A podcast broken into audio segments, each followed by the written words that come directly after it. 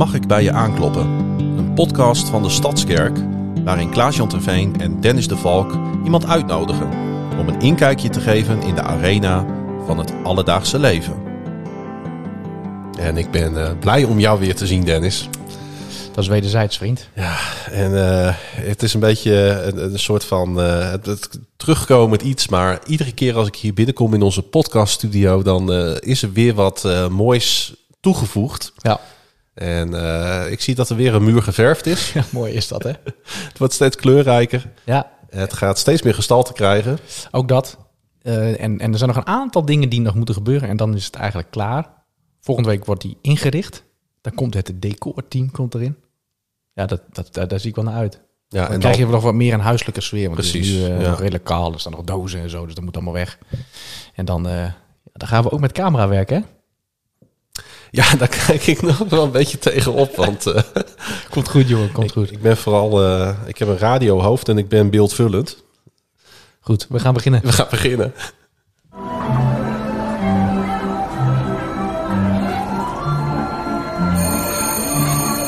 Rondje rond de tafel. Met Dennis, Klaas-Jan en Romy Bewalda, geboren op 1 november 1993. Ik woon in Groningen met mijn eh, man Elmer. En in het dagelijks leven ben ik erg druk met mijn promotieonderzoek eh, als PhD-student. Hatsé. Daar is ze. Welkom. Van harte welkom, Rome. Ja, leuk om hier te zijn. We vinden het echt heel erg leuk dat je er bent. Ja, En eh, vooral ook omdat je gewoon echt op het laatste moment hebben we je uitgenodigd. En je hebt eigenlijk hemel en aarde bewogen om hier te zijn. ja. Ja, dat, is- dat, dat, eh, dat doet ons goed, hè? Absoluut. Dat is fijn. Ehm, gelijk ook maar met jou beginnen. ja, En dan eh, krij- krijgen we al een klein beetje een indruk van eh, wie je bent en wat je doet. ja. Eh, heb je wat eh, meegemaakt wat je de laatste tijd wat je met ons en de luisteraar wilt delen? ja, heel veel leuke dingen meegemaakt. Maar eh, een maand geleden was ik in Afrika. En dat was wel echt een hoogtepunt sowieso uit mijn Ja. leven. Voor een bruiloft van eh, vrienden van eh, mijn man. Ja, dat was echt fantastisch. En, En ook waar in Afrika? Eh, we zijn naar de Kaapstad gevlogen. Toen was de bruiloft was daar twee uur vanaf. En eh, toen hebben we een rondreis gemaakt in de auto. Met nog twee andere vrienden de helft van de tijd. En de laatste week waren ik en Elmer alleen. Heerlijk. Ik heb Ja. foto's gezien op Instagram, dus dat is het voordeel van social media. Maar dat was wel eh jaloersmakend. In die zin dat ik dacht, wauw, gaaf hoor. Ben je überhaupt een reislustig type? Ja, als ik tijd heb wel. Ja. Ja, ik vind het heel erg leuk om te doen. Ehm, Maar goed, Zuid-Afrika is dan echt wel even de andere kant van de wereld. Dat is geen Antwerpen, zeg maar. hè? Nee, nee, nee, klopt. Maar ik heb ook daar familie. Dus eh, ik kon ook mijn oom weer zien. Dus dat was allemaal ook gewoon heel erg leuk. Oh, Ja. dus, maar je, bent daar wel, je, je gaat daar wel vaker heen. Nee, dit was wel Nee. de eerste keer. Hij, hij komt vaak naar Nederland. Oh ja, Dus ik ken hem vanaf, ja, vanwege dat hij in Nederland komt. Nou, mooi bijzondere ervaring. Ik denk niet dat jij zo'n hoogtepunt hebt. eh, Ja, ik ben vorige week nog naar eh, Oeganda geweest. Nee, dat is niet waar. Nee, nee het hoogtepunt. Ik, eh, ik moet zeggen, ik vind het... ik wil ik gewoon eventjes uitspreken hoe trots ik ben op onze oudste dochter. Die luistert dit niet, maar mocht ze het wel horen, dan... ik heb het daar natuurlijk ook al wel even verteld. Maar zij heeft zelf even een, eh, op het laatste moment even een stageplek gefixt. En ik weet hoe lastig dat is op die leeftijd. Waarin je, eh, nou, eigenlijk wel letterlijk voor de leeuwen wordt geworpen. Ook door school. Zo van, nou, regel het maar. En eh, ben je niet op tijd, dan moet je maar eh, terugkomen op school. En je moet op die en die datum, in dit geval 27 juni, met een getekend stagecontract. Waarvan ik echt dacht van, nou, denk een beetje mee. Maar ze gaat bij de bakker in Buffalo. Dat is een vrijwilligersorganisatie. Oh. Eh, gaat ze stage lopen. Het is een, sn- ja, een snuffelstage van drie weken. Maar, maar goed, dat, eh, dat, daar, daar gaat ze het echte leven zien, denk ik. Ja. Nou ja, en ik, ik, ik verheug me al op de moorkoppen en de, de lekkere croissants die ze dan meeneemt. Dus ik, eh, maar ik vind het mooi hoe ze dat zelf geregeld heeft. Mooi. Ik dacht, dat ga ik even als hoogtepuntje noemen. Zaterdagmiddag is ze er even heen geweest en toen zei diegene die daar leiding over geeft, die zei... Het gaat hier niet om het werk, maar het gaat hier om dat we met elkaar plezier hebben. En toen dacht ik, dat is zo leuk voor haar. Dat is mooi. En jij, jij, hebt, jij hebt alweer zoveel dingen meegemaakt. Want, Nou, eh, Ik was ziek ja, de afgelopen dagen. Ik ben nog steeds niet helemaal fit, merk ik. Eh, Dus eh, ik moet eerlijk bekennen dat het een klein beetje op karakter is. dat ik hier ben. Ik was vorige week vrijdag, we nemen nu op dinsdagavond op, was ik voor het laatst buiten. Dus ik zat op de fiets hierheen en ik dacht van oeh, ik voel het wel dat ik even een paar dagen op bed heb gelegen. Ja, ik merk gewoon dat het een beetje op is. Ja. Dat ik, dat ik een beetje doorheen zit. En ik ga ook een weekje weg. Lekker op vakantie, dus eh, dat is goed voor me, denk ik. Het is ook een pittige periode. In die Het is- zin... eh, Het is, het is sowieso een pittige Ja. periode, inderdaad. En, eh, maar verder gaat het, eigenlijk, het gaat eigenlijk best wel goed met mij. ja. Waar ga je heen? Naar Polen. Oh, Ja, en ik, ik was eerder ook al in Polen dit jaar. En dat is hem eigenlijk zo goed bevallen. Dat ik dacht, ik wil wel wat meer nog van het land zien. Meer van de mensen. En eh, ik ga gewoon terug. Ja. Dus ik ga in, in een uurtje of veertien van Groningen naar Warschau treinen. Vind ik dan ook wel een soort van leuke uitdaging om, eh, om dat te doen. Vorige keer was met vliegtuigen. En toen dacht ik eigenlijk van... hmm, als ik iets eh, met de trein kan doen en het vliegtuig kan vermijden... dan vind ik dat eigenlijk wel wat hebben. Omdat één, vliegen niet zo heel erg leuk is. En twee, omdat het best wel vervuilend natuurlijk Ja. voor eh, onze lucht is.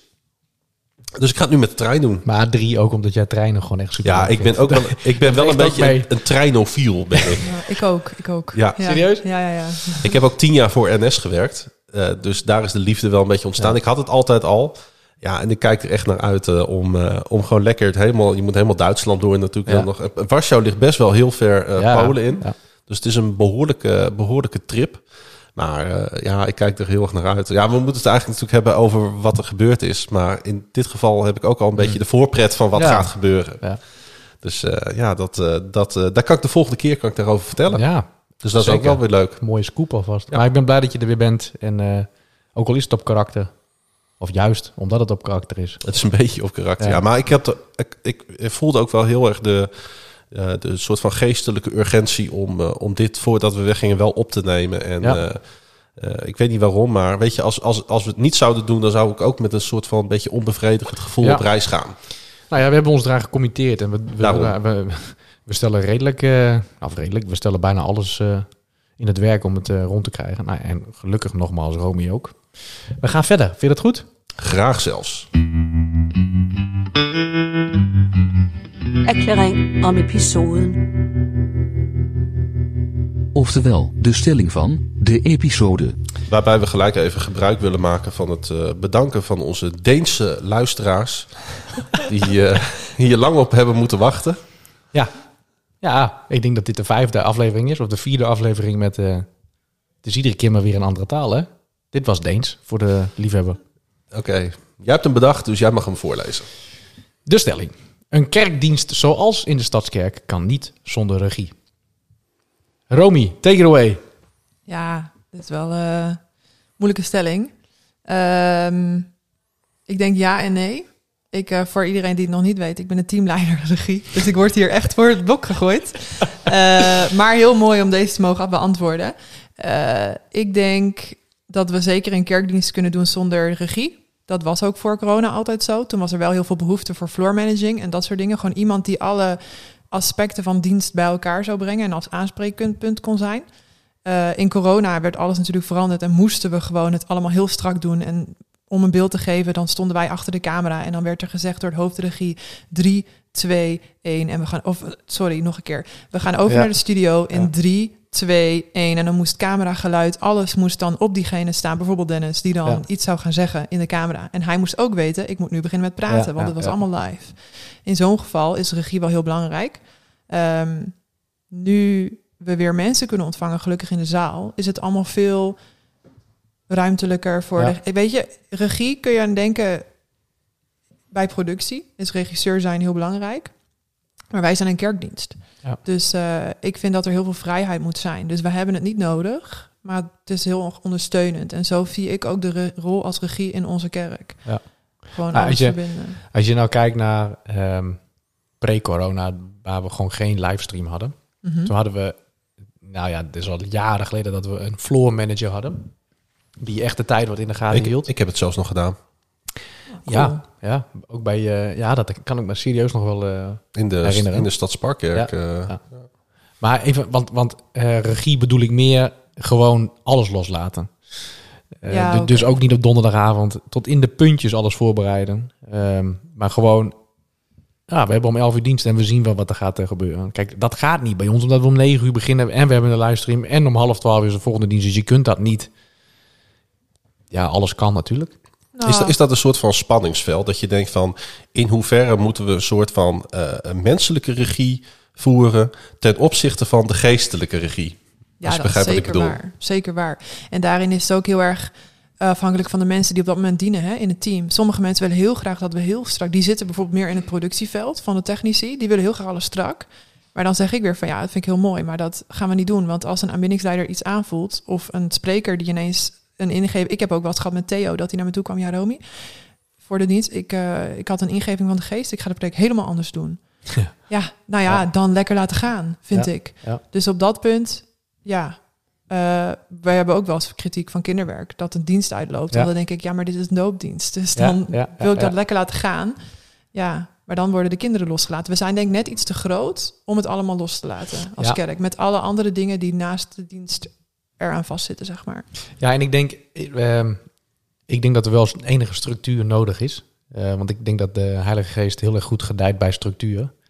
Als je het maar niet eh, tot op de seconde, de seconde nauwkeurig helemaal dicht timmert. En volgens mij doen we dat niet. In die zin, eh, er staat wel zeven minuten voor mededelingen. Maar ik heb zelf mededelingen gedaan, maar dat, dat werd niet, eh, ja, nog drie, nog twee. Zo ging dat niet. Nee, dat doen we helemaal niet. Wij kijken echt van tevoren. We, hebben in, wij werken met Planning Center, dus de dienst Ja. staat erin met de tijden wel voor de liedjes. En er staat gewoon informatie van wie begint er bijvoorbeeld met zingen, wie doet Ja. dit, wie doet dat.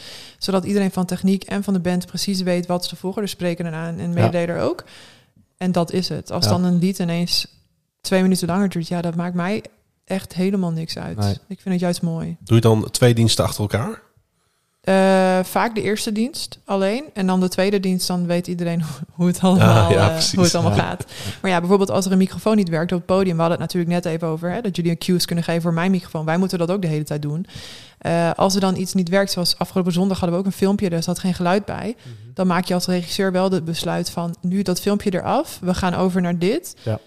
En dan gaan we even over naar wat anders. Dan hebben wij een paar minuten de tijd om dat filmpje werkend te krijgen. En dan starten we het filmpje. Ja. Daar is regie wel heel handig voor. Ja, en ik denk ook onmisbaar, want er moet iemand regie nemen. Ja, Maar het is mooi dat jij eh, hoofdregie bent. En, ehm, nou kijk- teamleider hè, werken we mee volgens mij. Oh ja, hoe kom ik nou bij hoofd? Nou ja, ik denk dat het hetzelfde is in de basis. Ja. Maar in ieder geval, jij mag, jij mag een team daarin aansturen. En ehm, ik weet hoeveel werk daarin gaat zitten. En hoeveel, hoeveel tijd jij daarin steekt. En hoe punctueel je bent. En hoe enthousiast je bent. En hoe, oh, hoe vooral ook bemoedigend je bent. Dat zei ik net nog tegen Klaas-Jan. Dat vind ik mooi. En dat is een mooie eigenschap. Dat zullen we... Dus het zou goed zijn dat we dat wat meer met z'n allen deden. Ja, absoluut. Ik kijk niet naar jou, omdat ik vind dat jij dat niet bent. Ik wou net zeggen, ik voel me ben, weer, Ja, ben, ik, ben, ik ben weer op zoek naar een soort bevestigende amen, broeder. Amen. Ja, ja dat, is- sorry. Ik zou, ik zou wat meer bemoedigend eh niet- eh, jouw, jouw co-host eh, zijn. Point Hey, taken. eh Romy, jij bent nu natuurlijk eh hoofdregie en je doet nog wel wat andere dingen in eh, Teamleider, zegt ze net. teamleider. Ja. Sorry, Luisteren. Ik vind het teamleider allemaal regie. goed hoor. Ja. Ja. Nee, teamleider. Maar voordat je daar gekomen bent, eh, daar is een jaartje of dertig ongeveer aan vooraf gegaan. Nou, nog niet. Bijna, bijna. Zij is echt nog heel jong. 28. Nou, Oh, ik zat ook naar, naar, Oh ja, ik eh, inderdaad naar die geboortedatum te kijken. Toen dacht ik, oh, ben ik blij. We hebben iemand onder de 30 in de podcast. Bewust. Ja. Ja, Oh. bewust. Ja, Iedereen, iedereen komt een keer aan bod. Hè? Dus, eh, de- dus, Maar het is goed om niet allemaal te beginnen met de mensen uit onze eh, leeftijdscategorie. Maar ook gewoon wat jonge, frisse... Als, het wordt steeds jonger, zeg maar. Ja. De volgende keer zit, zit Iemand zit van acht. Ja, juist. Ja. Dat is ook wel cool. Hey, eh Romy, waar kom je vandaan en eh, hoe zag jouw, eh, ja, je kinderen en je jeugdtijd er een beetje uit en waar was dat? Ja. Eh, nou, mijn vader die vindt het altijd heel leuk om te weer switchen van banen. Dat ziet hij echt uitdagingen in. Dus die werkt en dan denkt hij, dan heeft hij een bedrijf weer ergens gebracht waar hij hem wilde brengen. En toen, dan is het poep, we gaan weer verder. Dus ik ben geboren in Eindhoven. En toen zijn we verhuisd uit een gegeven moment naar Gelderland. Dus dat is Noord-Brabant. Toen zijn we verhuisd naar Gelderland, naar een dorp. Daar een paar keer verhuisd. En uiteindelijk naar Drenthe verhuisd. En daar heb ik mijn hele middelbare school, een grootste deels de basisschool gedaan in Westerbork. Ja. Eh, voor iedereen die denkt dat dat alleen het kamp is. Je kan er ook echt wonen. Heel mooi dorp, heel toeristisch ook. Het kamp is ergens anders. Dat Ja. moet altijd gezegd worden. ja. De Eh, schotels dat is van wel- Westerbork kan ik me goed herinneren. Ja, Het is, wel, het is Ja. wel serieus het eerste waar mensen aan denken. daarom. eh, en dat is, wel, eh, ja, ja. dus het is een prachtig dorp. Ja. Eh, en mijn moeder woont er nog steeds met mijn broertje. Dus ik ga er ook nog wel veel heen. En eh, nou ja, dus toen ben ik gaan, dus mijn middelbare school gedaan in Assen. Toen ben ik gaan studeren in Groningen. En eh, nu woon ik sinds 2018, dus, of 2012, sinds toen ik afgestuurd ben, in Groningen. En ondertussen nog een half jaar in Noorwegen en Engeland, Cambridge gewoond. Kijk, En nu weer in Groningen. Dus dat is een beetje waar ik vandaan kom. jij, jij vroeg of ze reislustig was. Nou, dat is ze wel dus. Mhm. Ja, ik kan me ook wel voorstellen. Kijk, ik, eh, mijn ouders die zijn geboren en getogen stadjes. En ik Ja. ben dat ook. Ja. Maar eh, ik kan me voorstellen dat verhuizen best wel impact Ja. heeft op een kind. Of heb jij dat niet zo eh, heftig ervaren? Nee, valt wel mee. Want ik was best wel jong. Dus ik heb daar nooit heel erg... ik ben sinds groep drie woon ik in Westerbork. Ja. Dus op zich heb ik dat nooit heel heftig eh, ervaren. Nee, en eigenlijk eh, het buitenland wonen, vond, dat ging ik in mijn eentje. Ja. En eh, dat was eigenlijk altijd heel prettig. Dus eh, ja, nee, ik vind dat heerlijk. Ik ben echt wel een loner eigenlijk. Dus eh, ja. Het is, ja, een- serieus? Oh, dat het is inderdaad de term die net in mij opkwam. ja. Inderdaad, van, dat, je hebt al heel vroeg heb jij zelfstandigheid dus omarmd. Ja, denk ik wel. Ja. Ja. Maar de reden dat ik naar Groningen ben verhuisd meteen na mijn eindexamen... was wel omdat ik al 25 kilometer heen en weer moest fietsen naar Assen. de middelbare school. En ik dacht, daar ben ik zo klaar mee. Ja. Ik wil niet meer reizen, dus ik wil op kamers. Ja. Dus vandaar, eh, dat was de grote reden hoor, dat ik eh, op kamers ben gegaan. Wat ben je gaan studeren? Biologie. Dus eh, ja, gedrag en neurowetenschappen en Mhm. biomedisch, beide tegelijk eh, gedaan. En waarom? Nou, ik weet mijn hele leven eigenlijk al. Vroeger zei ik dat altijd al als vijfjarige, denk ik. Of dan had je van die eh, wat vriendenboekjes. En dan vroegen ze, wat wil je laten Poesie. worden? Poesie-album. Ja, dat soort dingen ook. Ja. En eh, dan was het voor mij altijd van, ik wil eigenlijk gewoon alle studies doen en dan later in een dierenwinkel werken. Of een Oh. asiel. Dat was het altijd. Maar ik ben echt een hele, ik ben heel leergierig. Ik hou heel erg van leren en wetenschap en het hele ehm, imago van zo'n verstrooide professor. Dat vond ik echt, dat vond ik zo gaaf. Al vanaf vijfjarige Heerlijk. denk ik. Dus ik had zoiets van, eh, nou, let's go. En op de middelbare school eh, was niet echt uitgedaagd of zo. Dus het was niet dat ik daar heel veel deed. Ik maakte eigenlijk helemaal geen huiswerk. Maar ik haalde alles. Dus mijn leraren vonden het op zich wel prima. Ja. En toen kreeg ik op een gegeven moment een biologiedocent. En dat was echt zo'n, eh, ja, zo'n verstrooide professor. en ik dacht echt, oh, wat een geweldige man. Ja. En die heeft me echt geïnspireerd. En iedereen vond hem vreselijk. Op een gegeven moment moest ik naar een andere biologieklas en moest ik een brief schrijven. Want ik zou moeten sprokkelen met Latijn en biologie en Spaans. Allemaal tegelijk. En dat vonden ze op school niet leuk. Als ik bij hem zou komen. Maar ik zei, ja, ik wil echt heel graag bij hem. Moest ik een brief schrijven en overtuig de schoolleiding waarom ik Serieus? biologie van hem wilde. Ja, ja, ja. Hij was echt heel cool. Je idoliseerde hem als het ware. Nou, dat niet. Maar Nee. ik vond het gewoon, hij was gewoon echt zo'n professortype. Waarvan ik dacht, dit wil ik met mijn leven. Oh, op die manier. Ja, maar Dus ik zit ook gewoon direct te denken, dus natuurlijk de hamvraag. Is Elmer ook een verstrooide professor? Nee, maar wel verstrooid. Oh ja. Maar hij zou wel professor kunnen zijn. Ja. Zeg maar in zijn vrije tijd luistert hij echt alleen maar intellectuele podcasts. Dus, dat is, eh, hoor je dat? Dat is weer een trouwe luisteraar. Ik denk niet dat hij dan naar de Rooster Radio en NFL op woensdag Nee, luistert. nee, nee, deze. Nee, ja. deze wel. Ja, ja. Ehm, eh, de naam eh, valt nu, Elmer. Ja, hoe, hoe is dat tot stand gekomen? ja Of, hier. Een beetje plastisch, maar... Ja, in de kerk. Het was... eh, eh, ik was een keer... naar- Nou, dat is een heel heftig verhaal allemaal. Maar een heel lang verhaal kort. Mijn konijn was net overleden. Dus dat was heel verdrietig. En D'Angelo van de kerk, een koffiehuisje, die wist dat. Dus ik kwam zondag. Ik wilde per se naar de kerk. Eh, maar ik was best wel verdrietig. En ik kwam D'Angelo tegen. Dus ik moest heel heftig huilen. Helemaal rood gezicht, vlekken, denk ik dan. Eh, hij heel lief in het koffiehuisje mij gerustgesteld. En eh, het was ook allemaal wel weer goed. Eh, het beestje had heel erg geleden, dus ik ben blij dat het Ja. uit nou, Ja. lijden verlost. En eh, ik was net weer oké. Nou ja, ik had het idee allemaal nog rode vlekken en al die dingen. Ik had, heb daar echt hysterisch zitten huilen en ik huil eigenlijk bijna nooit. Dus het was ook wel een aangezicht, denk ik. Maar goed, toen eh, out of nowhere kwam Elmer met twee andere vriendinnen en die kwam echt gewoon naar me toe van, eh, oh, kunnen wij hier komen zitten? En ik dacht echt, nou, heb jij dan, kun je dan niet aan mij zien dat ik helemaal, nou ja, dat ik echt niet, Gast, zie je mijn rode vlekken niet? nou dat. Dat is een no-go area. Gewoon. Nee, maar hij kennelijk dus niet. Want ik heb Nee. hem er later over aangesproken. Maar ik was nog in dat jaar, ik had heel duidelijk met mezelf een jaar, ik doe even helemaal geen mannen. Ik wil daar helemaal niet. Het is echt Romy en God, zeg maar. Nee, dat was echt heel Ja, serieus. En eh, dus ik was er ook helemaal niet voor open. En, eh, maar ik had hem dus toen in augustus ontmoet. En eh, uiteindelijk in januari, later, begonnen we wat meer te praten. Wij hebben zo'n hele oude, oude Bijbel in de familie, al generaties langs, van 16 nog wat. Het is echt zo'n, zo'n Mm. het is een echt heel gave Bijbel. En eh, nou, daar kon- begonnen we over te praten. En eh, uiteindelijk heeft Elmer zichzelf bij mij thuis uitgenodigd. Want hij wilde heel graag kolonisten spelen. Mijn beste vriendin zou komen. Nou, zichzelf uitgenodigd. Het was de, de vrijdag voor de lockdown van corona.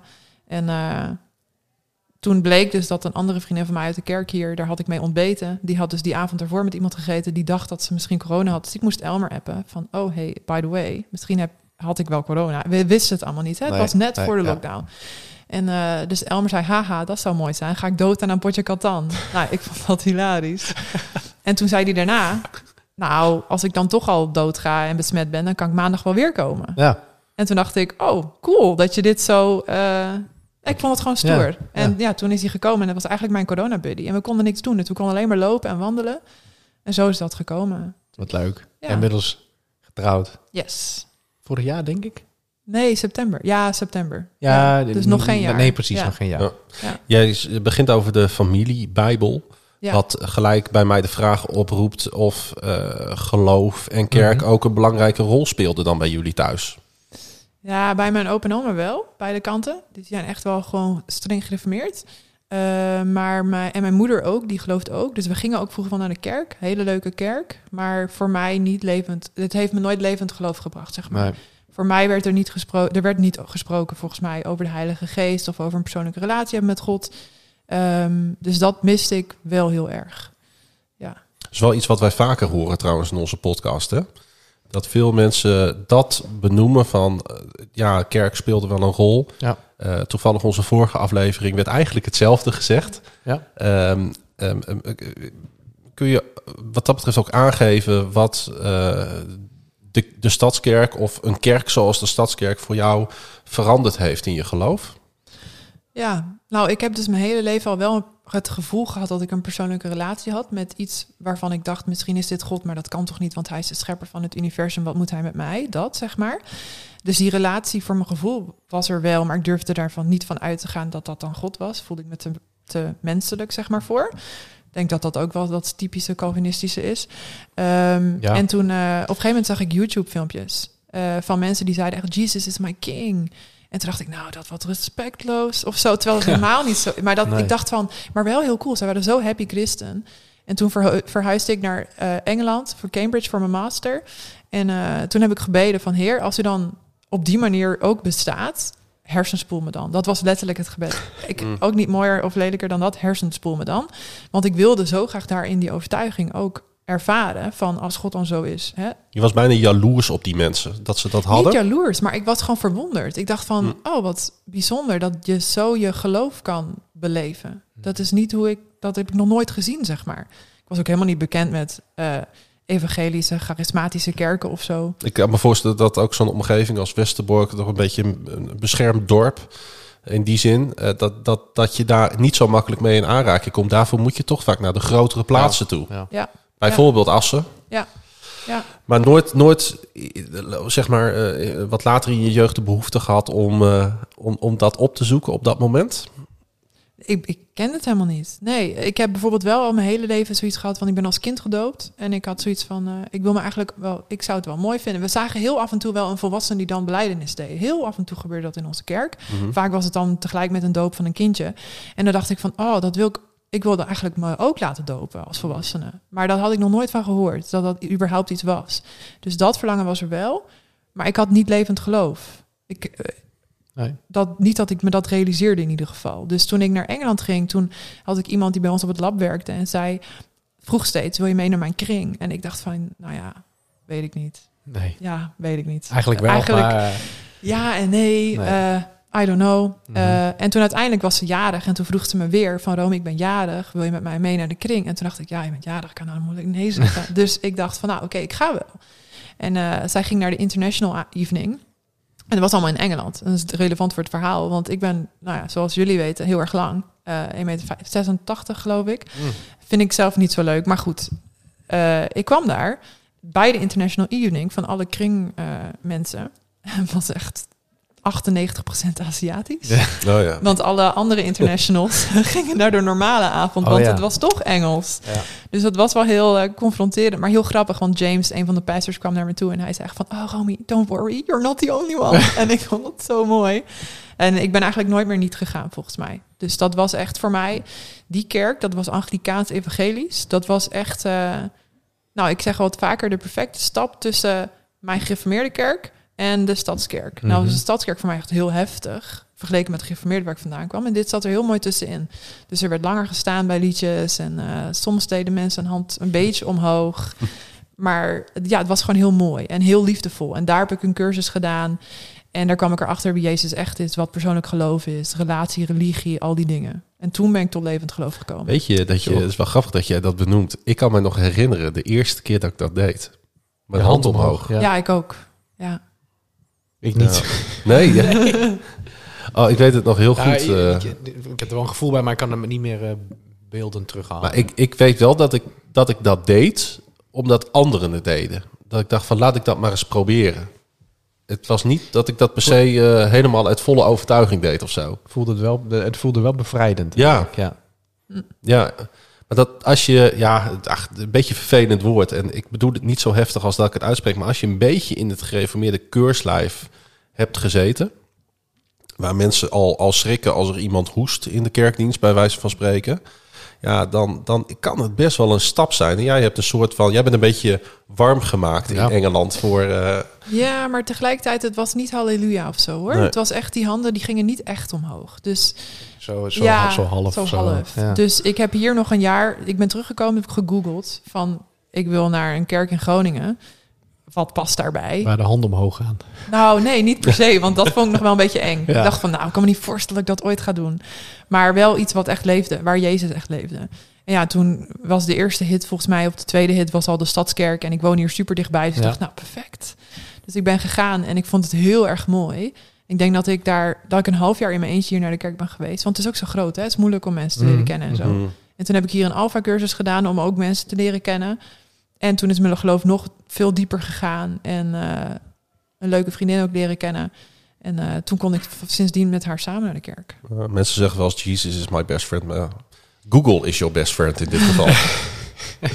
Dat, dat hoor ik ook heel vaak. En ik zeg het ook heel vaak inderdaad. Ja, ja, dat is wel, wel trouwens goed om te horen dat we goed vindbaar zijn op het internet. Ja, dat heb ik heel veel. dat eh, heeft dus gewoon waarde. Ja, hebben we zeker. Heel Ja. veel werk aan gehad, hè? Ja. Ja.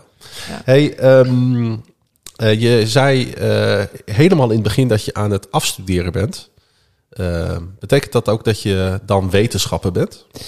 Eh, officieel ben ik al Master of Science. Dat heet de titel tegenwoordig. Het klinkt allemaal belachelijk. Maar dat, Master Hier ben ik helemaal niet in thuis. Dus, oh ja, eh, ja. Nee, ik heb al een research master gedaan. Dus eh, ik ben niet aan het afstuderen. Ik ben bezig met een pro Oh ja, promotietraject promotie. Ja, als PhD'er. Dus dan heb je je master gedaan. Eh, en dan kun je, zeg maar, dus dat professor ding, dingetje, dat is nog steeds. Ik heb echt heel erg het gevoel dat dat is waar ik mag heen mag groeien. En Mm. waar God alle deuren voor mij tot nu toe constant zo heeft geopend. Dus wat ik nu doe is eh, vier jaar, ik heb dan in totaal vijf, eh, doe je onderzoek. eh, en dan schrijf je uiteindelijk een proefschrift. En dan promoveer je naar doctor. Dus dan is het Ja. niet meer mevrouw Bewalda, dan is het, ja, Eigenlijk hetzelfde wat Theo doet, hè? Ja. Doet Ja. ook, eh, ja. Ja, ehm, wat, eh, wat, waar gaat je Proefschrift. over? ik was alweer op zoek naar het woord. onderzoek, ja. Onderzoek. Ja, ik doe onderzoek naar zwangerschap. Dat vind ik zelf heel boeiend. En dat is iets waar heel weinig mensen ook van weten. Ja, zwangerschap niet. Heel veel mensen weten heel goed hoe dat werkt. Eh, Maar het coole is dat eh, we hebben zoiets als eh microchimerism. Maar mijn onderzoek is helemaal Engels, dus ik moet even struggelen met het vertalen. wij- we hebben ook internationale luisteraars. Ja, dus nee, oké. nou, dan is het deze voor jullie. Nee, Ja. grapje. Nee, dus ik, zoek, ik doe onderzoek naar cellen van de baby... die tijdens de zwangerschap via de placenta... die komen in het bloed van de moeder. En wat we pas sinds niet heel lang weten... is dat die cellen van de baby... dus dat zijn de bouwstenen van het leven. Hè? En voor Ja. iedereen die het niet weet... een cel bouwt een orgaan. Dus een hersencel, dat, die hoort in de hersenen. Een Ja. niercel hoort in de nieren. En zo heb je een nier uiteindelijk... door heel veel van die niercellen die samenwerken. Ehm, maar nou hebben we dus feutale cellen van de baby die de moeder eh, binnenkomen. En we weten dus nu sinds kort dat die cellen van de baby ook kunnen innestelen in de moederorgaan, de organen van de moeder. En dat betekent dus dat je bijvoorbeeld, nou jij hebt kinderen, een oudste dochter. Hè? Eh, hoe heet jouw vrouw? Annette? Annette. Nou, toen zij zwanger was van jouw oudste dochter, het Mhm. zijn de cellen van jouw oudste dochter, Dennis, die zijn in Annette gegaan. Die zitten waarschijnlijk in al haar organen. En dan moet je als iets moois zien, hè? niet als iets engs. Nee, nee, zeg ja. maar. Ehm, en wat we dus nu weten is dat die cellen lijken er ook op. Dus stel dat de cellen van die oudste dochter eh, in Annette's nier zijn gekomen, dan Ja. lijkt het er dus nu ook op dat die cellen niercellen zijn geworden. En dat is best wel cool. We hebben ook verschillende studies die aantonen dat als je een wond maakt op een vrouw of dat er iets gebeurt hè, en Die ze is? gewond raakt. Nee, daarna Oh, ook. Ze oké. blijven levenslang. Dat die, ja, dat die cellen dan daar ook heen gaan, naar die wond, om te eventueel te genezen. Daar zijn allemaal indicaties voor, maar we zijn nog niet ver genoeg in het veld, omdat zeker te weten, maar het lijkt er heel erg op. En dat is ook een beetje met, dan kom je in de stamcelbiologie, waar de meeste mensen wel wat van gehoord hebben, denk ik. Mhm. Dat is een soort cel die nog alles type cellen kan worden. Nou, dat zijn die vitale cellen ook. En dat heeft dus heel veel ge- gezondheidsimplicaties. Dus Jeetje, is, volg die cellen, zeg maar. dat is baanbrekend. Ja, het is heel cool. Ja, vind ik wel. Het is niet, ja. eh, dit blijft niet beperkt tot Groningen. Dat is gewoon eh, dat is Dus weer- internationaal. eh, ja, ja, ik ga volgende week naar Lissabon voor een congres. Onder Kijk. andere om dit te, te presenteren. Zou je ook kunnen stellen dat vrouwen wat dat betreft een voorsprong hebben ten opzichte van mannen? Dat je, dat je zoiets ingenieus, eh, wat het leven je kan geven, dat je dat dus bij je mag dragen. Ja, beide. Maar eh, het Ja. is ook de andere, want jij hebt nog meer kinderen, hè? Ja. Ja, en eh, de cellen van jouw oudste dochter zijn naar je moeder of naar jouw Annette gegaan. Ja. Maar die zijn waarschijnlijk toen ze zwanger werd van de andere kinderen. Dus de oudste dochtercellen via je moeder, via, via, ik Via zeg haar steeds via je moeder, moeder, ja. via haar moeder, Ja. naar de jongeren gegaan. En zo hebben we een heel netwerk. Dus ook wij hebben gewoon allemaal, want wij, we zijn nooit zwanger geweest. En jullie kunnen niet zwanger worden, maar Nee. ook cellen van de moeder Nog gaan niet. naar, de, naar het kind. Nog niet, Nou, misschien kan wel. nooit. kan Maar wel. Nou, weet ik niet. Jullie kunnen niet zwanger worden, Nou ja, denk de- ik. Nee. Toch? Leave it. Oké. Oké, nee, maar eh, de cellen ook van jullie moeders zijn in jullie. En Ja. zo gaat dat op een hele interessante manier eh, verder. Maar dus, dus vrouwen voorsprong op een bepaalde manier wel, maar er zijn ook Mhm. associaties met ziektes. Dus Oh, ja. En, en hoe... hoe eh, Dus het kan ook een schaduwzijde zijn. absoluut. Ja. Ja. dat zien we wel Ja. met auto-immuunziektes die Ja. vaker voorkomen bij vrouwen. Ehm, ja, er, er zijn best wat associaties met ziektes, maar ook met gezondheid. Dus we staan, het staat, dit veld staat in de kinderschoenen. En daarom vind ik het zo interessant en zo eh, uitnodigend om onderzoek naar te doen. je, moet nog, vier- of je, je mag nog vier jaar hiermee bezig. Nee, ik mag nog maar een jaar. Nee, eigenlijk zou ik in november al klaar moeten zijn, maar ik, heb een ik ben eigenlijk vier dagen in de week gaan werken, zodat ik langer heb. Want uiteindelijk is er gewoon een, een boel geld en daar wordt mijn salaris ook uitbetaald. Dus minder werken op papier eh, resulteert in langer werken. Langere, langere tijd om... eh, Ja, Joh, wat interessant. En, en tegelijk rijst dan bij mij de vraag... Jij als wetenschapper... eh, je hoort heel veel mensen die... zeg maar... eh, eh, nou, alles beredeneren. Die het heel erg lastig vinden om... nou, te geloven dat God bestaat. Heb, heb jij daar ook worsteling mee gehad? Omdat je juist misschien iemand bent die alles... Ik weet niet, ik vul het een beetje voor je in. Maar begrijp je het stereotype wat ik probeer ja, te ja, schetsen? zeker. Ik ben heel, je wordt bij ons en ik ben daar ook heel erg in getraind. Rationeel zijn, nadenken, niks geloven, alles niet zomaar niks aannemen. En zo ben ik ook, zo denk ik ook. Heel rationeel. Ja. Ehm, en dat vond ik op het begin ook toen ik terugkwam uit Engeland ook wel moeilijk. Dat ik dacht van ja, ik geloof in God en dat wist ik, een levende God en zo. Maar en, en, maar en die Bijbel dan? Want Ja. dat is wel lastig. En op een gegeven moment uh, alfa cursus gedaan, goede gesprekken mee gehad. Um, Geke was mijn leider daar en die is advocaat. En die zei op een gegeven moment van ja, ik heb gewoon op een gegeven moment in mijn leven de rationele keuze gemaakt. Ik ga er nu voor, voor mijn geloof in God. En toen dacht ik, oh, wat een goed idee. Ja. En toen dacht ik, ja, ik ook. Waarom niet? Dus uh, ik weet niet, ik kan het niet pinpointen, maar ik heb dus Nee. daar ergens gewoon een besluit geno- genomen. En uh, ja, ik vind het juist wel mooi, want het is een heel atheïstische wereld en ik kan daar volop ja. uh, gelovig zijn. En uh, ja. Maar hou je, hou je er ook wel in staande? In die zin dat je niet eh, door, door theorieën die je hoort of die je zelf ontdekt, dat daardoor jouw geloof in God wordt aangetast. Dat je gaat twijfelen. Nee, denk ik niet. Ik, Nee. uh, maar ik ben bijvoorbeeld ook, ik heb ook geen behoefte om een boek te gaan lezen waarin ze alle redenen noemen waarom God niet bestaat. Nee, precies. Dus- nee, Ja, begrijp ik. ja. Joh. Ja, want het is natuurlijk een veelgestelde vraag. eh, en ik denk dat de hele corona-periode en crisis dat alleen maar versterkt heeft. Gaat God en wetenschap samen? En dan heb je natuurlijk de christelijke wetenschappen die zegt... ja, juist eh, eh, door mijn geloof wordt mijn wetenschap, wetenschappelijke blik versterkt. Of andersom, door wetenschap wordt mijn geloof in God versterkt. Ja. En je hebt natuurlijk de wetenschappen die zegt... ja, maar omdat ik wetenschapper ben en omdat ik het heb onderzocht... weet ik dat God niet bestaat. Ja. Dus dat is natuurlijk Ja. een con- constant, en uh, gebruik ik het woord nog maar weer eens een keer, een constant spanningsveld uh, onder jouw collega's. ja, nou bij ons zijn ze allemaal overtuigd uh, niet christelijk. Mhm. Of uh, nee, dan zijn ze echt. Maar ja, ik denk dat het dan aan mijn taak is om dat juist uit te leven, hè, wie Jezus is. En Want hoe kijken ze dan tegen jou leven. aan? Wat Ja. vinden ze er iets van? Of Als eigenlijk niet? professor. Ja, nee. Nou, Of ben je daar helemaal niet mijn- mee bezig? Dat kan ook, hè? Nee, Ja. nee, nee. Ik, ik praat er echt over. Ik denk dat dat heel belangrijk is, vooral hier. En ehm, mijn naaste collega's, dus de andere PhD'ers, die respecteren dat gewoon heel erg. Die weten ook, die zijn allemaal naar mijn bruiloft gekomen, een aantal naar mijn doop. Dus die zien het halleluja-gehalte waarin ik leef, zeg maar. Als Mhm. je het zo moet noemen. Het is heel spannend natuurlijk voor heel veel mensen. Ja. Ehm, die zijn gewoon heel liefdevol erheen. Want ik, hoef, ik ga niet tegen hun zeggen van... eh, nou, eh, je moet oppassen. Want anders, weet je, ik probeer het uit te leven... en ik heb het over Jezus en over mijn geloof... maar ik houd het op mij... Mhm. in plaats van dat ik ze probeer te overtuigen. Dus ik ben meer bezig met op een rustige manier zaadjes planten... door er te veel over te hebben en te vertellen wat het voor mij betekent. Ja. En tegelijkertijd zijn er natuurlijk ook wel professoren... die zijn wat hard. Dus, ehm, maar goed... Ja, I really don't care. Nee, maar wat dat, ze is, ervan dat, is vinden. ook, dat is ook Dat het is leven. hè? het. Ja, maar en een mooi ding is nog wel, mijn levend geloof is echt gekomen tijdens mijn master. En daarvoor hebben ook heel veel professoren me al gezien. En ik denk echt dat God me hier, dat heb ik net ook al genoemd, heeft ge- gemaakt of Ja. geroepen om Ja. dit te gaan doen, zeg maar, deze wetenschap. En dan uiteindelijk mijn Ja. geloofsjourney. En het mooie is dat eh, heel veel van die professoren best wel heel erg veel hebben gezien van alle dingen die bij mij vrij heel. Ja, ik ben gewoon goed in mijn werk, als ik daar kan zeggen. En dat de verbazing heel erg groot was bij al die mensen toen ik zei van, oh ja, maar ik geloof in Jezus. Ja. Dat ze dachten, hoe dan? Ja. Jij, zeg maar. Huh? Ja. En dat is dan een hele mooie getuigenis, vind ik. Ja. Eh, ze geven hier ook wel eens college. Dus ik heb ook wel eens gehad dat er iemand, een van die, echt een professor, naar me toe kwam van, hey Romy, ik, eh, ik hoorde dat jij gedoopt bent. Ik zo, ja, klopt. Hij zo, oh ja, ik, ik hoorde dat het in mijn kerk was. Zei hij, eh, omdat hij hier college geeft. Dus ik zo, nou, eh, ik zal zijn naam niet noemen, maar ik Ja. zei van, nou, eh, Jan, zeg maar, Ja. ik weet vrij zeker dat dit mijn kerk is. Ja. En jij geeft er college. Kijk, dat soort dingen. Dus dat- zijn wel mooie dingen. Ik heb ook mijn supervisors overtuigd atheïst. Zeg maar, zijn familie zijn Jehovah-getuigen, heftige dingen meegemaakt. En Mhm. hij is overtuigd eh, atheïst. En we moesten een bepaalde iets binnenhalen. Dat moest echt goedgekeurd worden. Dat was heel belangrijk. En hij zei op een gegeven moment van... eh, ja, ik... eh Romy, als jij nou naar jouw God bidt... dan bid ik naar de mijne. En dan bedoel die Satan. Dus ik zo... Nou, ik weet vrij zeker dat mijne jou nou al heeft overwonnen. Dus laat Ja, mij maar gewoon bidden. Ja. Weet je, dat soort dingen. Ja. En dan denk ik, ja, dan moet je daar gewoon sterk in staan. Dus ook sterven aan jezelf. Ja.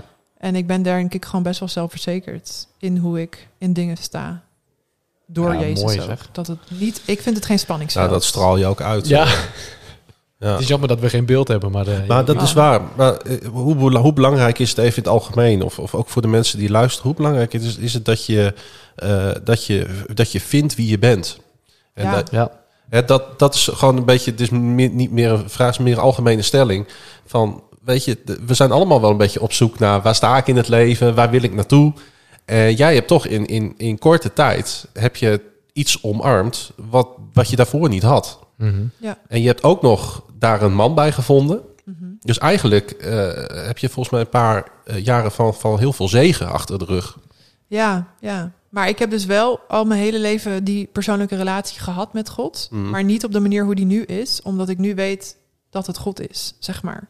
Dus het is wel voor mij ook echt zoiets van... Oh, ik heb ook dus echt, zeg maar... Waar we komen zo nog wel op dat liedje. Dan is op een gegeven moment ook een zin, die horen we niet. Maar die zit er wel in. Ja. Eh, I feel like I was born for this. En ik denk ook, ik voel dat heel sterk. Mm. Dus dat Ja. ik dit mag doen, maar dat ik ook echt geboren ben om sterk in mijn geloof te staan en dat echt uit te dragen naar andere mensen. Guidance, hè? Nou, ik Ja. vind het wel heel bijzonder als jij, volgens mij, je was vijf toch? Dat je echt heel, heel duidelijk eh, wist van ik wil, eh, ik wil leren, ik wil alle studies doen en ik wil eh, die, die verstoorde professor. Dat ik dacht, toen ik vijf was, had ik dat niet zo klip klaar, zeg maar. Nee. Dus dat, dat is wel echt eh, dat is bijzonder, op zijn minst. Ik wist ook heel duidelijk wat ik eh, wou worden, maar ik ben het niet geworden. Straaljagerpiloot. nee, ik wou altijd meteoroloog worden. Oh, cool. Ja. Oh. ja, en nog steeds heb ik heel veel interesse in, in, cult, in het weer- en weersverschijnselen. nee joh, Astrologie, sorry. dat is heel wat anders. Weet ik, Eh, weet ik. Eh, eh, hoewel dat, nee, dat, daar ben ik dan weer minder in geïnteresseerd. Maar ehm, eh, het, het- het is, eh, ja, soms heb je dat inderdaad, die sterke gevoelens al, dat je een bepaalde kant op wordt eh, gestuurd. Ik kwam er toen alleen achter dat ik natuurkunde en scheikunde helemaal niet, eh, dat ik daar niet goed in was. Dus toen ging dat, eh, aan mijn- toen wou ik archeoloog worden. ook ook leuk. stoer. Ja. Is ook niet gelukt. ik ben heel gelukkig met wat ik nu Ja, doe. Hoor. ja, Trouwens, precies. voor de goede orde. Als journalist Maar zijn dat is wel gelukt. interessant. Dat is wel gelukt. Eh, wat? Dat, wat je nu doet. Ja, dat is wel gelukt. Alleen dat, dat, dat, had ik totaal niet in de planning Nee, staan. nee. Ik, Nee. heb, ik heb Pabo gedaan, weet Ja, je. Dus, ja. eh, maar uiteindelijk, weet je, eh, heeft, heeft, heeft God een plan met je. Ja. En dan komt, komt het wel goed. Maar wat ik wel heel, inderdaad wel heel mooi vind, eh, en dat is wat jij ook wat je zegt over weet wie je bent, als het gaat Ja. om je identiteit. Ja. Jij zegt gewoon, ik ben goed in wat ik doe. En volgens mij is dat helemaal geen vies woord. Eh, want daar, daar verontschuldigen we ons wel eens een keer voor. Hè? Ook in de cultuur waarin, maar je mag gewoon zeggen, ik excelleer in wat ik doe. Maar Ja. alle- nou, dat, vind is- ik wel heftig om te zeggen. Maar ja, ja, weet ik niet. Ik heb liever dat iemand anders dat... Ja, eh, nee. Ik ben Ik goed in wat ik doe. Dat vind ik al een struggle. Dat vind ik al een struggle om te zeggen. Maar ik dacht wel toen ik hierheen ging van... Als we het over wetenschap gaan hebben... dan vind ik het wel mooi om dat aan te tonen. Ja. Ik zei dat ook vooral omdat andere mensen dat dan zien. En dat ze dan verbaasd zijn over het feit dat je goed kan zijn in wetenschap en in deze wereld.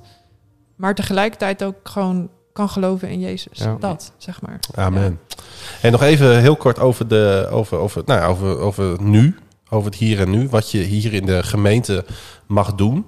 Eh, je vertelde ons iets over een, eh, over een bijbelcursus. Eh, Oh ja. die, eh, en ik wou het toch even... Ik denk, voordat we het vergeten... Mhm. zou ik ook vervelend vinden. Kun je daar wat meer over vertellen? Want eh, dat lag een beetje op je hart, hè? Ja, ik was hier eigenlijk heen gekomen en ik dacht van als ik nou iets kan betekenen, hè, misschien ook wat we van tevoren zeiden, dat het gewoon bemoedigend mag zijn. Ik, eh, ik volg een bijbelcursus van het Evangelisch College. Eh, en dat doen we hier in de Stadskerk, maar zij, zij doen dat over 50 locaties of zo in Nederland. Eh, en dan ga je eigenlijk in vier jaar de hele Bijbel door. Dus dan heb je één zaterdag in de maand of, een, of twee keer een avond in de week. Maar Groningen heeft één zaterdag in de maand. Ga je door een Oud Testamentboek en een Nieuw Testamentboek. En dan gaat het over context en over de theologie erachter. En over het Bijbelboek natuurlijk zelf en het verhaal. En dat is zo bemoedigend en mooi om dat met een kleine groep te doen. Eh, dus daar ben ik ook echt, zeg maar, als ik mijn drie grote passies van wat me op dit vier met Elmer erbij, Goed zo. Goed. ja. Eh, wat me op dit moment bezighoudt, dan is het inderdaad gewoon mijn werk, wat ik heel leuk vind. Mijn bedieningen in de Stadskerk, die, ik echt fantastisch vind. Maar ook echt die Bijbelcursus. Eh, omdat ik dus nog best wel een nerd ben en ik hou van studeren. Ik wilde eigenlijk theologie doen. Ik ga dat ook zeker nog een keer doen in mijn leven. Heerlijk. Maar theologie past niet bij mijn soms 60-urige werkweken. Dus dan, dan kan dat niet. Nee. Dus ik dacht, nou, dan doe ik een bijbelcursus. Maar wat ik nog Ja. wilde zeggen tegen alle luisteraars... is, eh, die is dus helemaal open. Eh, en mocht je dat nou leuk vinden... dan eh, kun je gewoon googlen naar het Evangelisch College, denk ik... en de bijbelcursus. We beginnen volgend jaar met Genesis. Dus dan begin je weer eigenlijk helemaal... Elke vier jaar roleert het gewoon. Ik ben in het tweede jaar begonnen... maar je kan dus elk jaar joinen dat je wil. Ja. Echt heel tof om te doen. En we doen het dus gewoon in de Stadskerk hier in Groningen. En, En dat, dat is is leuk. belangrijk om, als je het echt leuk lijkt, om ook dat drempeltje over te gaan. Want dat gaat je ook helpen, want dan hoef jij niet naar Drachten. Dat is ook waar. Ja. Ja, want we hebben net, eh, dus mocht je echt een goed dienend, gevend Ja. hart hebben, join dan Groningen. Want we hebben eh, altijd een hele mooie groep van 30 mensen ongeveer gehad. Maar ja, ook elk jaar zijn weer mensen klaar, want je doet Ja. het maar vier jaar. Ja. En eh, straks hebben we er net iets onder de 10. Ja, en dat is te weinig 10, eh, om ja, het hier... om het ja, feasible je, te maken. En dan moet je... ja. Weet je dat eh, ooit iemand tegen mij heeft gezegd eh, dat dat wel wat voor mij zou zijn? Nou, ik, ik, ik voel, Ja, al, ik voel al een aanmelding aankomen, Romy. Ja. Weet jij? Nou, Echt het waar. is dus echt Iemand leuk. heeft mij... En weet je wie dat was? Nee. Roelof. Ah, Cool.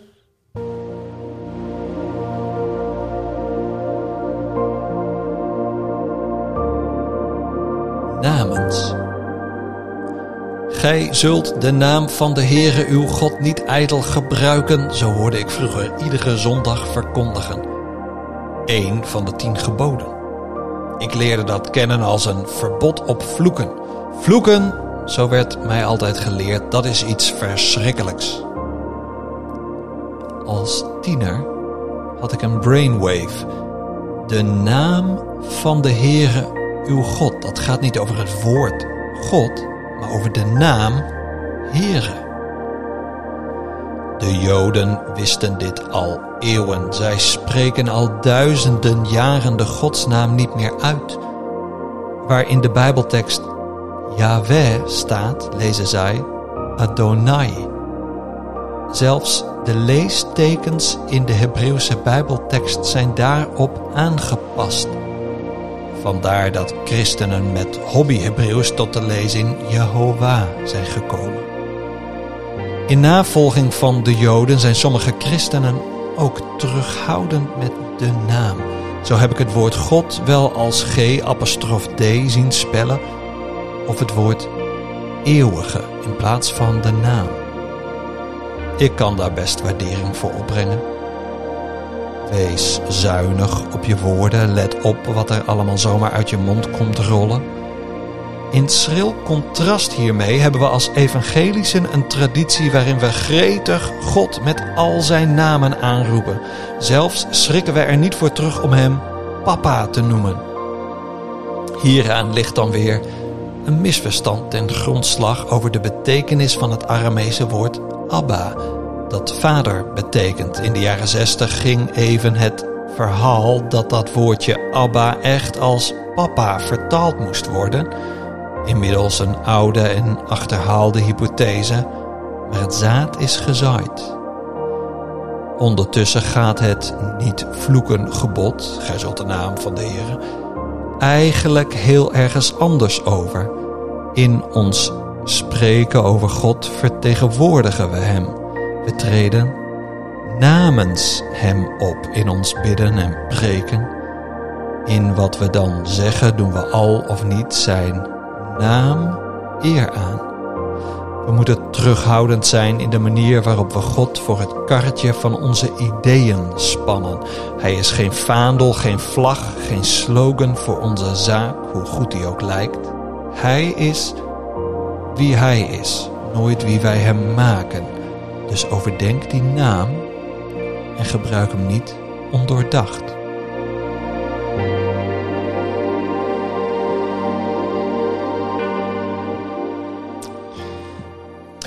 En hij is in ons. Ja, ja, dit is wat ik aan denk. Romy, wat vind jij hiervan? Gewoon wat, wat hij eh, vertelt. Er, er zit zoveel in.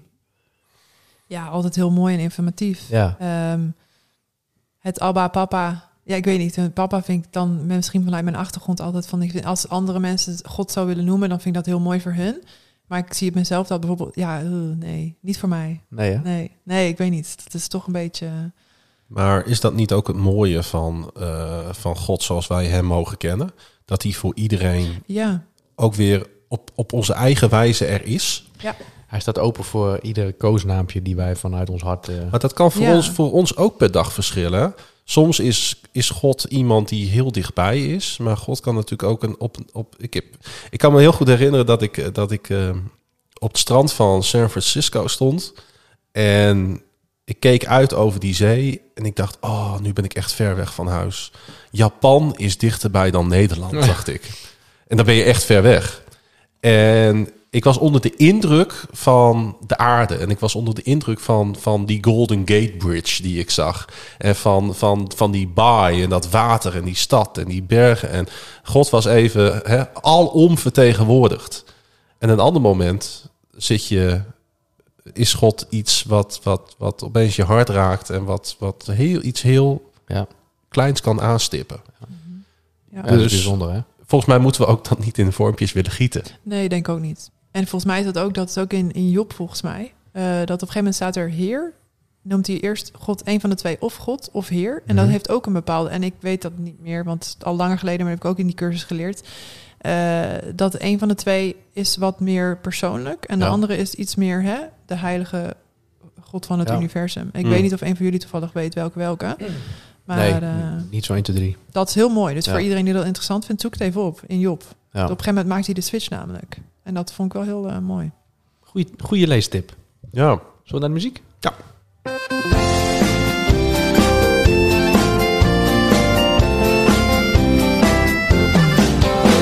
Liedje erin, liedje eruit. En jij eh, liet al wat eh, doorschijnen. Ik, ik, de knappe luisteraar die het lied eh, daardoor al geraden heeft. Zo, dat, dat zeker. Misschien kan je even toelichten wat je hebt gekozen en eh, ja, vooral ook natuurlijk waarom. Yes. Nou, ik, eh, ik kreeg die vraag van Dennis, hè, bereid even een liedje voor. Ehm, en toen moest ik aan twee liedjes denken. En eh een daarvan is dus wat ik uiteindelijk heb gekozen, dat is Warrior bij Stephen Curtis Chapman. Wat was de andere? Eh, oh, nou zet je me voor het ding. Take Courage van, is zij heet Lindsay nog iets? Daar zit gewoon een hele mooie zin in. Nou, dan zeg ik hem toch even. Oké. Daar, daar werd ik heel erg bij bepaald in het daten met Elmer, zeg Mm. maar. Dat God echt één zin en dat was... ehm, We will lead this generation to the glory of the Lord. En toen dacht ik, nou dat zoek ik, zeg maar, in een partner. Dus dat... Prachtig accent heb je trouwens, maar goed, dat geldt tezijde. Oké, dank je. Nou ja. Dat Eh, is hem niet geworden. dat is hem niet geworden. Uiteindelijk is het Warrior dus geworden. Ehm, en dat is de soundtrack van de film The War Room. Ja. Eh, heb je die nog niet gezien? Luister daar, dan moet je hem echt gaan kijken. Dat nee, maar dat is wel echt waar, toch? Ja, Heb nee, ik heb hem gezien. Ik, het is een ja. goede film. Ja. Eh, christelijk, echt prachtig. Over de Het is echt nou heel fantastisch. Ja. Ik eh, vind dit dus een prachtig lied. Als ik 's ochtends om zeven uur 's ochtends eh, op zondag naar de kerk fiets om dus die dienst neer te zetten, dan heb ik dit ook soms nodig. Ja. Eh, het is gewoon een powerlied, daar hou ik van. Eh, er zit dus één zin in die we niet gaan horen en dat is eh, Somehow I feel like I was born for this. Ehm, Het gaat er gewoon om dat je de kracht kan vinden, dat je in je eigen kracht mag staan in je identiteit in Jezus. En dat ons gebed echt heel krachtig kan zijn. Dus volgens mij gaan we er even naar We luisteren. gaan naar luisteren, zeker. I can taste the I raise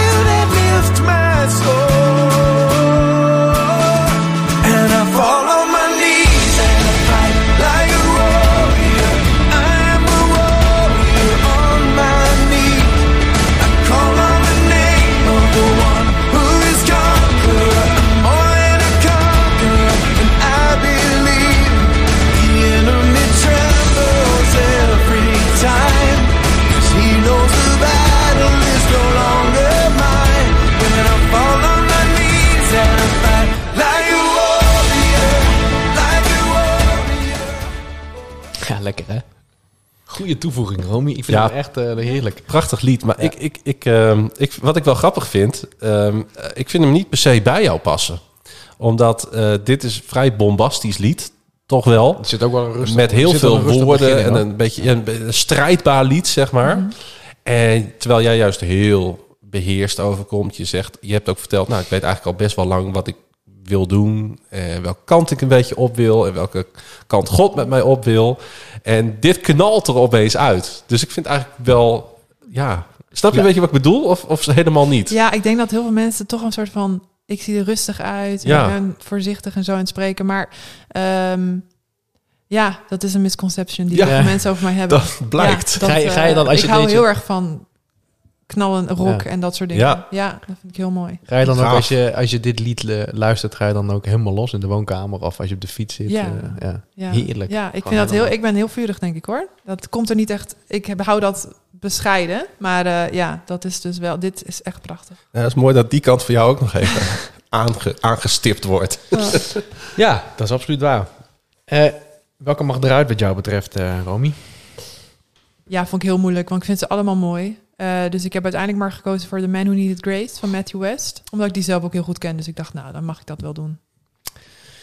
Eens. Die wordt gewoon eh, gedegradeerd tot de volledige lijst. Ja. Klaas-Jan.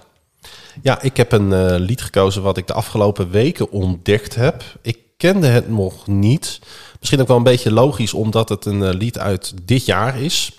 Eh, van Passion eh, 2022. En ehm, nou, laten we gewoon eerst maar even luisteren. What he's done, what he's done.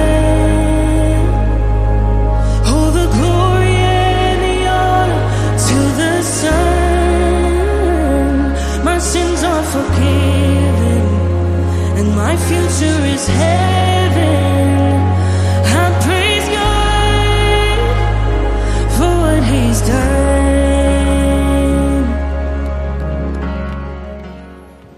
Kijk, als het een lied met eh, Tasha Kops is, is het al snel goed natuurlijk. Ja, die zit op zingen volgens mij. Die zit behoorlijk op zingen. Wat kan die meid zingen? En dan serieus. Ehm, en eh, ja, weet je, dat, soms heb je, je, je ken dat van, je heb je soms van die periodes in je leven dat, dat, dat je een lied ontdekt en dat je het ook opeens iedere dag gaat draaien. Ja. Totdat er een moment komt dat, je, dat er weer een nieuw lied komt of je er Ja. even klaar mee bent. Nou, ik zit op dit moment in de fase dat dit het lied is wat ik eh, iedere dag draai. En eh, soms is het gewoon goed om je even iets in te prenten. En ik zit best wel in een lastige fase op dit moment Mm, natuurlijk. Heb ik ja. vorige keer ook al wel een beetje over gehad Ja.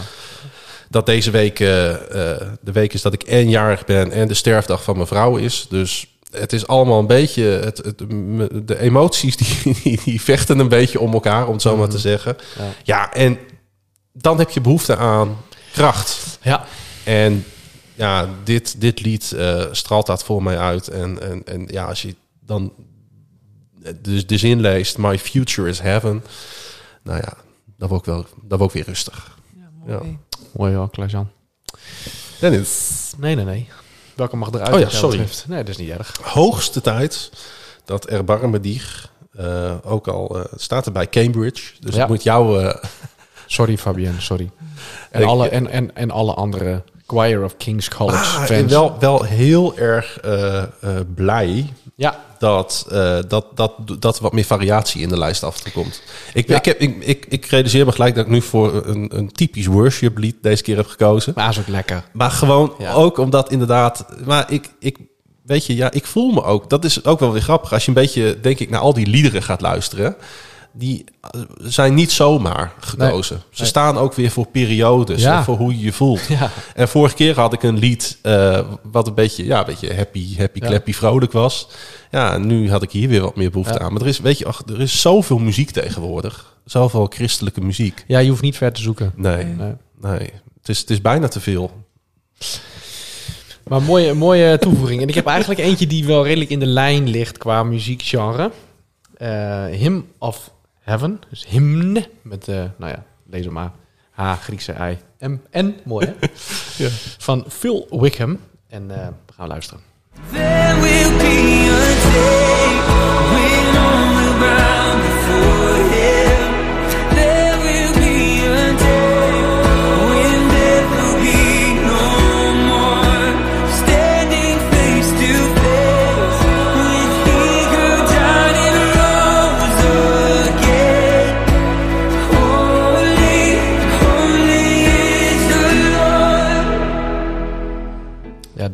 Als je het hebt over belofte, eh, luister het hele lied maar. Mm. Dus dat eh, bemoedigt mij en het geeft mij een, eh, een blij gevoel. En wat ik mooi vind aan worship en aan, ehm, dat, dat realiseer ik me steeds weer, meer. Dat als wij op zondag, maar ook gewoon door de week, God aanbidden, dan merk ik dat ik er iets voor terugkrijg of zo. Hè? Je hart wordt open, je, je, je, er gebeurt wat in je gestel. En ik geloof dat dat een soort zegen is die de Heer geeft. Ja, en de een heeft eh erbarme die. En eh, nou, Mhm. ik hou wat meer van dit. Ja, ik ken hem niet, maar ik ga hem wel toevoegen. Ja, Ja, waarvan akte? Zou ik zeggen... Nou eh, ja, gewoon eh, je abonneren in Spotify op Ja. liedje erin, liedje eruit, hè? Ja. ja. ook een goeie. ja, daar Ja, kan je gewoon zou dan... ik gaan eh, doen. Ja, Ehm, This I Believe, Hillsong Worship, die gaat eruit. hey, ehm, Romy, jij zei al, ik moet nog naar Lissabon voor een eh, congres. Als nou dat hele proefschrift, als dat helemaal is afgerond, hoe gaat je leven er dan uitzien? Ja, dat weet ik niet. Ik eh, heb het gevoel dat God me hier altijd op heeft gestuurd. Maar tegelijkertijd eh, wil ik daar volledig voor openstaan. Als hij zegt, Rome, je gaat nu dit doen, dan wil ik dat gaan doen. Ja, Hmm. dus ik weet het niet. Ik, Heb je eh, enig idee hoe dat eruit ziet? Hoe, hoe, hoe je de stem van God kan, eh, kan verstaan? Ja, zeker wel. En Elmer is heel veel bezig met profetie en zo. Dus dat, eh, daar heb ik zeker wel heel veel goede beelden en Mhm. dingen over die Dus ik mag weet. je echt samen mag je dat doen? Ja, denk ik wel. Ja. En, eh, maar tegelijkertijd, ik ga dus wel, denk ik, mijn best doen om eh, eventueel door te gaan naar een postdoc, zo heet dat. En dan kun je uiteindelijk naar assistant professor. En dan, als dat zo blijft rollen, ik heb het altijd gezegd, als het blijft rollen, dan blijft het rollen. Maar niet als het... eh, Stroperig gaat. nou ja, of als het er bijvoorbeeld voor zorgt dat ik geen tijd heb meer voor kerkbedieningen. Of voor God. Of voor hopelijk een gezin ooit. Ja. Dat gaat op nummer één. Dus we gaan het zien. Ja. Dus ik heb aan de ene kant een grote droom. Maar ik sta ervoor open als dat niet het pad is. Dus ja, we gaan het zien. Ik wil je daar eh, alle eh, succes, alle wijsheid, alle zegen bij wensen. Ik vond het superleuk dat je er was. ja. En ja, Zeer inspirerend. ik ben ook echt een beetje stil van het verhaal, eh, eh, het inhoudelijke verhaal waar je Ja. mee bezig bent. En eh, ja, ik vind het echt, echt super interessant en mooi. Maar ook de, eh, eh, als aanvulling ook de rust die je uitstraalt als het gaat om je toekomst. Ja. en, en ook de, het, het vertrouwen dat je hebt in het feit dat God je hier heeft gewild, heeft eh, you were born for this. Dat vind ik echt mooi. Krachtig getuigenis. Ja, we gaan afsluiten als je het goed vindt, Dennis. Yes, Ja. En eh, nogmaals bedankt voor je komst naar eh, onze bijna affe studio. Eh, leuk om met je in gesprek te gaan en je te leren kennen. Heel veel zegen voor jou. En luisteraars, dit was aflevering 27. We gaan op naar ja, nummer 28. Daar hoef je niet zoveel voor gestudeerd te hebben.